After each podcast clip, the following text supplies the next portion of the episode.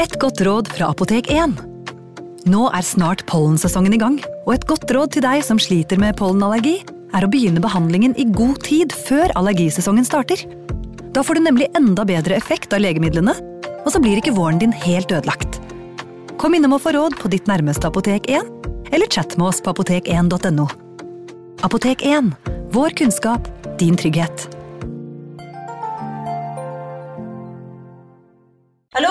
Jeg kommer fra Oslo politikammer.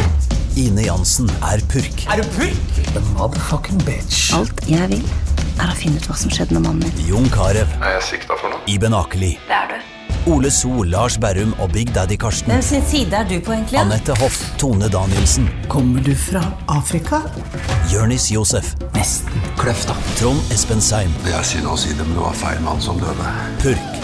Premiere tirsdag på TV2 Play. Ungsamtalen fra DNB er økonomisk veiledning tilpasset deg som er ung. Bokk en ungsamtale på dnb.no. slash ung. Det er kjempebra hvis du skal inn på boligmarkedet, hvis det er drømmen din, liksom. Det er det du skulle sagt. Og så kunne du ropt litt mer, da, sånn som jeg gjorde. Bam! Advarsel. Historiene vi forteller i denne podkasten kan være fiktive og avvike fra den opprinnelige historien av dramaturgiske årsaker. Meninger og påstander i historiene reflekterer nødvendigvis ikke programledernes meninger eller virkeligheten.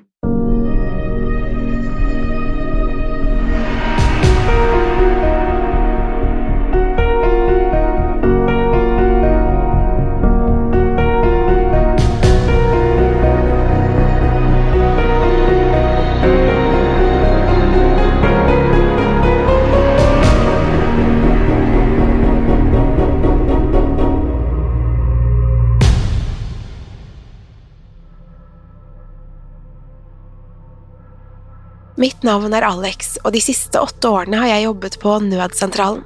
Her tar jeg imot telefoner fra mennesker i nød og passer på at de får hjelpen de behøver.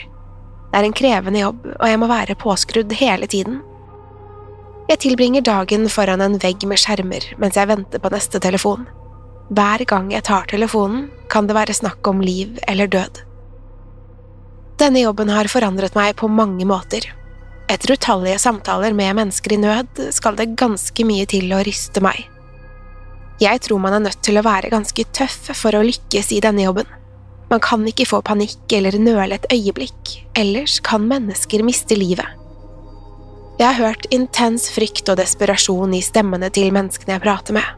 Jeg har forsøkt å roe ned mennesker som venter på nødhjelp. Noen ganger kan et minutt fra eller til avgjøre skjebnen deres. Jeg har også snakket med mennesker som trekker sine siste åndedrag. Det er en tung bør, og det har etterlatt dype spor, men jeg tror også det har beriket livet mitt. Likevel kan jeg ligge våken om nettene og tenke på alt jeg har opplevd. Det hender fremdeles at jeg tar meg en drink for å roe meg ned. Nødsentralen har blitt som mitt andre hjem. Jeg har utviklet et tett bånd til mine kolleger, og vi kan både le og gråte sammen etter et langt skift. Vi er som en familie som alltid støtter hverandre når det trengs. Selv de mest erfarne operatørene kan føle seg helt tomme etter en lang arbeidsdag.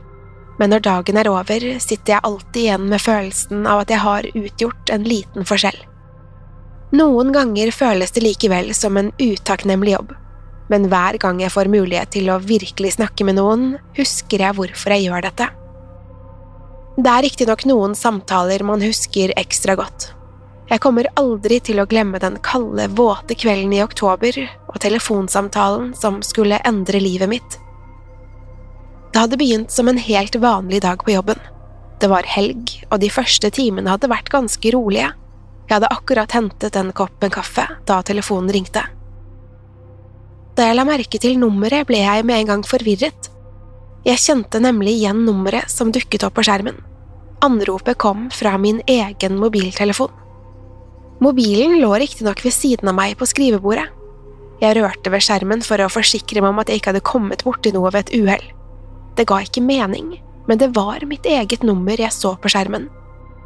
Jeg nølte et lite øyeblikk før jeg svarte. Tankene raste gjennom hodet mitt. Kanskje var det ikke mitt nummer likevel. Kanskje jeg bare hadde lest det for fort, og et av sifrene faktisk var annerledes. Kanskje det bare var en slags feil i systemet. Selv om jeg hadde en rekke spørsmål, prøvde jeg å svare som om alt var normalt. Nødsentralen, hva kan jeg hjelpe deg med? sa jeg.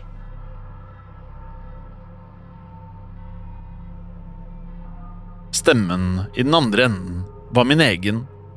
Jeg skjønte ikke hva som foregikk, men det gikk kaldt nedover ryggen min. Alex, du må høre på meg, begynte stemmen. Det kommer til å skje en ulykke om ti minutter. Du er nødt til å melde deg inn med en eneste gang. Ellers kommer flere til å miste livet. Jeg var målløs. Det var som å høre et opptak av seg selv. Det var for likt til å være noen som bare gjorde seg til. Etter hvert ble også frykten i stemmen overført til meg. Noe var galt, men jeg prøvde likevel å behandle dette som en vanlig telefonsamtale. Å beholde roen var tross alt en viktig del av jobben min. Hvem er dette? spurte jeg. Du må stole på meg, svarte stemmen før den oppga en adresse. Du kommer til å forstå hva som foregår senere. Vær så snill, du må sende en ambulanse. Du kan bidra til å forhindre en tragedie. Før jeg rakk å svare, ble det stille i den andre enden. Jeg så på mobiltelefonen min og merket at hendene mine skalv. Jeg ante ikke hva som akkurat hadde skjedd, men jeg bestemte meg for å ta det seriøst. Jeg tok et dypt pust før jeg sendte en ambulanse til adressen. Jeg fikk med det samme følelsen av at noe var galt. Det slo meg at personen jeg hadde snakket med, allerede visste hva jeg het. Dermed var det bare å vente på svar fra ambulansen. Jeg visste fremdeles ikke om jeg hadde tatt riktig avgjørelse. Noen minutter senere så fikk jeg beskjed om at det hadde skjedd en ulykke langs veien. Det var på eksakt samme sted som stemmen hadde forutsett. Jeg kjente et rykk i hele kroppen min. Selv om jeg var glad for å ha bidratt til å redde liv, klarte jeg ikke å ignorere ubehaget. Kunne personen jeg snakket med, virkelig se inn i fremtiden? Jeg satt der og tenkte over ringvirkningene da telefonen ringte igjen. Også denne gangen kom anropet fra min egen mobiltelefon. Selv om jeg var vant til stress, så satt jeg nå skalv i stolen min. Heldigvis hadde jeg også utviklet evnen til å roe meg ned igjen. Jeg tok enda et åndedrag før jeg tok telefonen.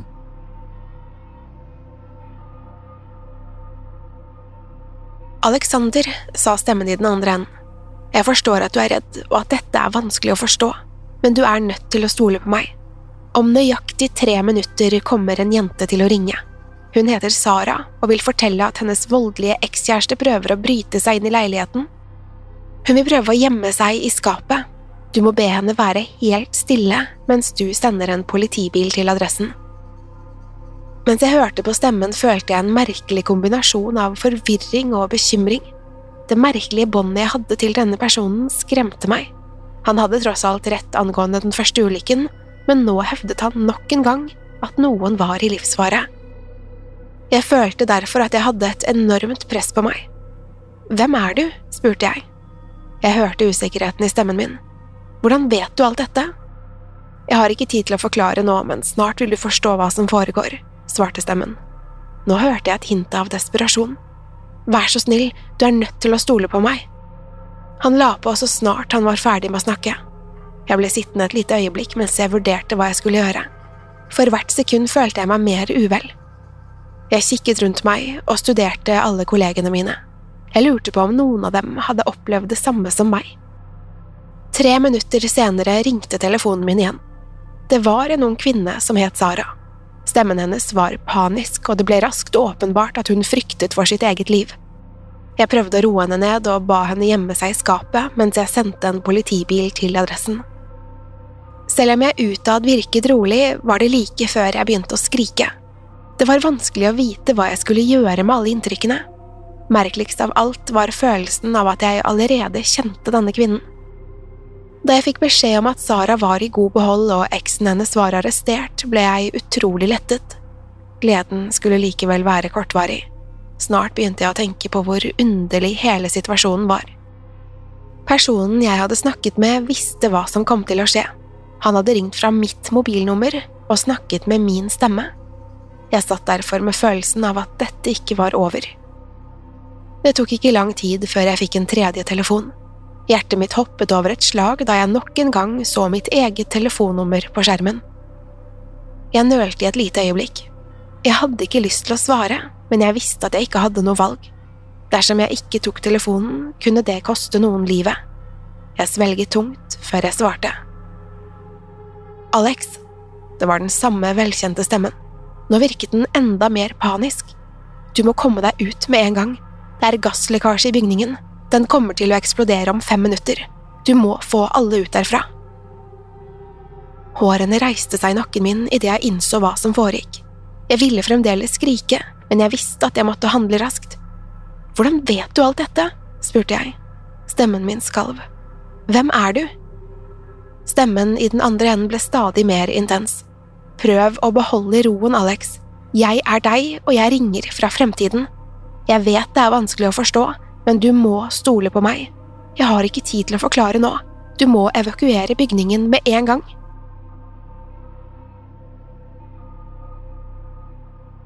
Jeg forsto fremdeles ikke hva som foregikk. Kunne personen jeg snakket med være en fremtidig versjon av meg selv? Det virket for utrolig til å være sant, men jeg var nødt til å ta en avgjørelse. Etter et lite øyeblikk spratt jeg opp fra stolen og begynte å advare kollegaene mine. Mens vi hastet ut av lokalet, fikk jeg utallige spørsmål om hva som foregikk, men jeg var opptatt med å få alle ut av bygget og hadde ikke tid til å svare. Mange av kollegaene mine protesterte, de mente at telefonene ikke kunne være ubemannet. Jeg insisterte likevel på at alle måtte følge etter meg. Vi kom oss så vidt det var ut av bygget. Da vi var på den andre siden av gaten, hørte vi en stor eksplosjon. Lyden ble fulgt av en ildkule som snart slukte hele bygningen. Bakken ristet, og varmen fra flammene slo mot ansiktet mitt. Alle kollegaene mine samlet seg rundt meg. De var i sjokk, men også lettet over å ha kommet seg ut i live. Da jeg etter hvert innså hva som hadde skjedd, begynte følelsen å ta overhånd.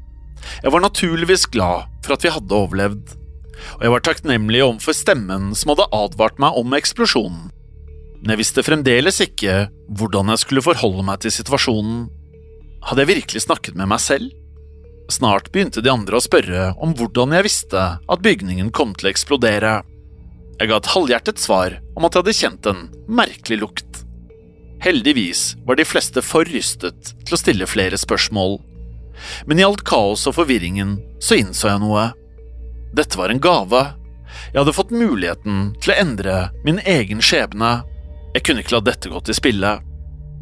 I løpet av de neste dagene ble jeg helt oppslukt av det som hadde skjedd. Personen jeg hadde snakket med, hevdet at han var meg og sammen hadde vi reddet mange liv. Mens jeg prøvde å komme til bunns i mysteriet, forsto jeg at dette ikke var utelukkende positivt. Jeg hadde nemlig fått et enormt ansvar. Plutselig føltes det som at hver minste avgjørelse jeg tok, kunne ha uante konsekvenser, og at dette ansvaret snart begynte å føles som en byrde. Likevel kunne jeg ikke la frykten stanse meg. Jeg visste at jeg hadde muligheten til å hjelpe enda flere mennesker i nød så jeg bestemte meg for å stole på stemmen. Det tok ikke lang tid før vi flyttet inn i et midlertidig lokale. Jeg var oppspilt og følte at jeg hadde fått en ny giv. Hver gang det ringte, så jeg mot skjermen for å sjekke telefonnummeret. Jeg ventet i spenning på når jeg kom til å motta den neste telefonen fra mitt fremtidige selv. Hver gang det skjedde, fulgte jeg instruksene uten å nøle. Selv om det var tilfredsstillende å hjelpe andre, begynte jeg snart å føle meg ensom. Det var frustrerende at jeg ikke kunne dele hemmeligheten min med noen. Dager ble til uker, og jeg begynte å se resultatene av det jeg hadde gjort. Liv ble reddet og store tragedier unngått. For hver gang vokste selvtilliten min. Frykten forsvant og ble erstattet av stolthet. Jeg visste samtidig at jeg lekte med ilden. Dette kunne sikkert få konsekvenser som jeg ikke var i stand til å forstå, men innerst inne føltes det som at jeg gjorde noe godt. Ingen så ut til å legge merke til hva som foregikk, jeg var tross alt bare et mellomledd mellom den som ringte og nødetaten, så de fleste ville tenke at det var helt tilfeldig at det var jeg som mottok disse telefonene.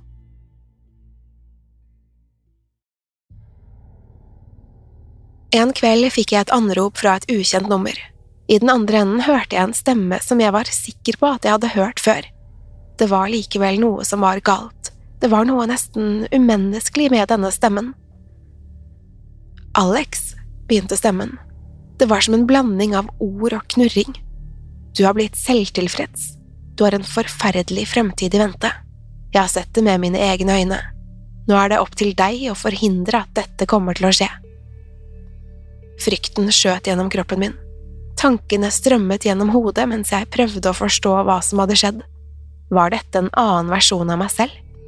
Jeg prøvde å lytte til stemmen, men den fortsatte å advare meg om fremtiden.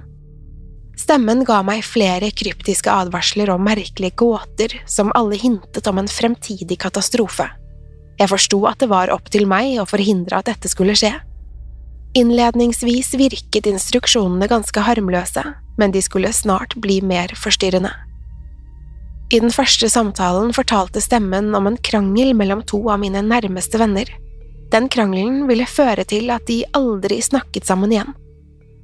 Jeg fikk et eksakt tidspunkt og sted for hvor jeg skulle gripe inn, og dermed forhindre at dette skjedde. Etter å ha tenkt meg litt om, bestemte jeg meg for å følge instruksene. Det tok ikke lang tid før stemmen ringte igjen. Denne gangen fikk jeg beskjed om å sende et anonymt tips til politiet om en mulig gasslekkasje hos en eldre nabo. Stemmen hevdet at dersom jeg ikke gjorde dette, kom det til å skje noe forferdelig med henne. Også denne gangen nølte jeg litt, og jeg bestemte meg til slutt for å kontakte politiet. Dagen etter fant jeg ut at politiet hadde oppdaget en gasslekkasje som nå var i ferd med å bli fikset. For hver samtale ble stemmen mer aggressiv og ba meg om å gjøre mer ekstreme ting.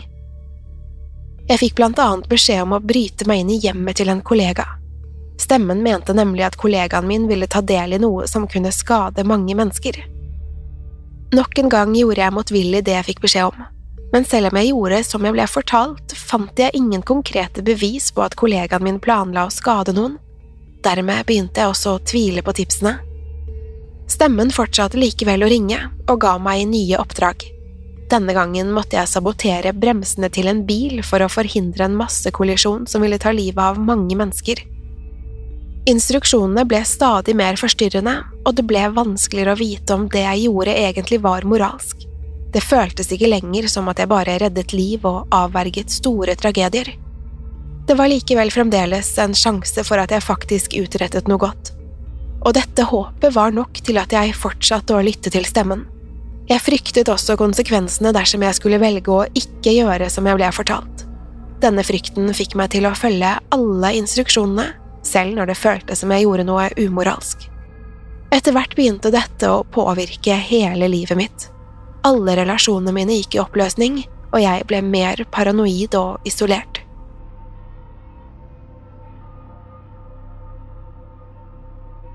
Selv om jeg fortsatte å følge instruksene, ble jeg stadig mer usikker. Jeg visste fremdeles ikke om stemmen var min egen, eller om det var noe langt mørkere som foregikk. Skillet mellom rett og galt var visket ut, og jeg slet med å finne en mening i alt kaoset. Jeg begynte å føle meg desperat og søkte etter svar i bøker og på internett. Jeg håpet å finne noe som kunne forklare dette merkelige fenomenet. Etter å ha lest om utallige bedragere, ville teorier og overnaturlige hendelser, fant jeg noe interessant. Jeg begynte nemlig å lese noe som kalles for en tulpa. Dette er en skikkelse som blir skapt av tanker eller tro. Tulpaen kan vokse seg sterkere og bli en selvstendig enhet. Etter hvert kan den til og med interagere med mennesker og gjenstander. Jeg ble overbevist om at stemmen på telefonen var en tulpa. Det var noe jeg ufrivillig hadde endt opp med å skape. Sannsynligvis var dette resultatet av ensomheten og den emosjonelt krevende jobben. Etter hvert hadde denne tulpaen utviklet en egen vilje. Den utga seg for å være en fremtidig versjon av meg, og på denne måten hadde jeg blitt manipulert til å gjøre hva enn den ønsket. Uten å vite det hadde jeg forårsaket død og lidelse som ga tulpaen energi og livskraft. Jeg innså at jeg var nødt til å gjenvinne kontrollen over livet mitt. Jeg forsto at tulpaen hadde brukt min frykt og ensomhet mot meg. Nå måtte jeg konfrontere tulpaen for å komme til bunns i denne situasjonen. Ettersom jeg ikke kunne kontakte tulpaen selv, måtte jeg vente til den ringte meg. Hele kroppen min ristet da jeg så telefonnummeret på skjermen. Jeg nølte likevel ikke. Jeg visste at jeg var nødt til å konfrontere skikkelsen dersom jeg skulle komme til bunns i hva som foregikk. Jeg vet hvem du er, sa jeg da jeg tok telefonen, og jeg kommer ikke til å la deg styre livet mitt lenger. Det ble stille et øyeblikk, men snart hørte jeg latter i den andre enden. Tror du virkelig at du er i stand til å kvitte deg med meg? sa stemmen. Du vet vel at jeg er en del av deg? Jeg tok et dypt pust og prøvde å høres bestemt ut. Det var jeg som skapte deg. Dermed kan jeg også få deg til å forsvinne. Jeg har ikke lyst til å skade flere mennesker. Deretter la jeg på og prøvde å late som at alt var i orden.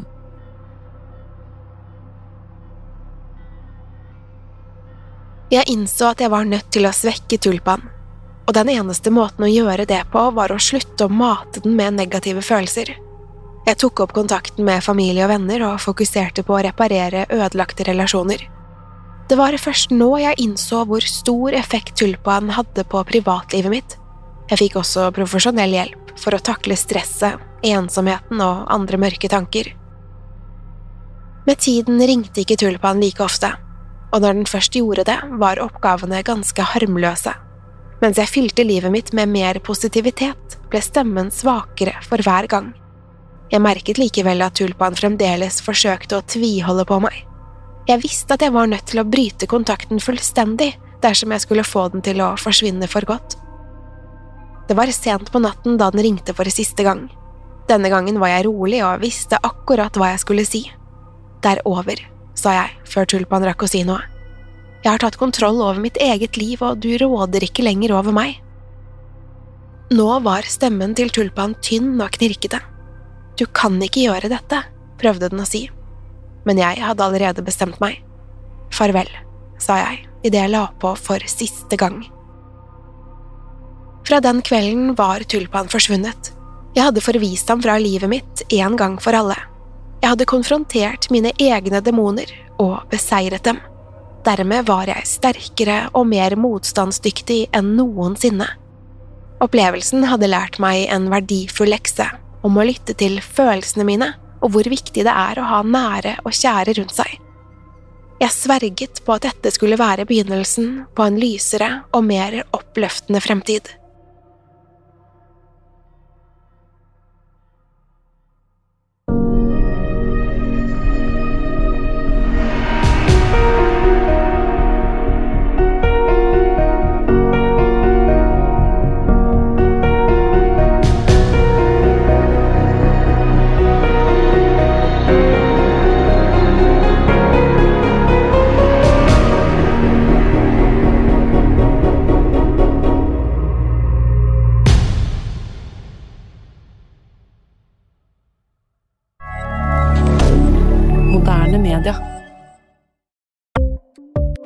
Ukens annonsør er Folio, en smartere banktjeneste for deg som har en egen bedrift eller ønsker å starte for deg selv.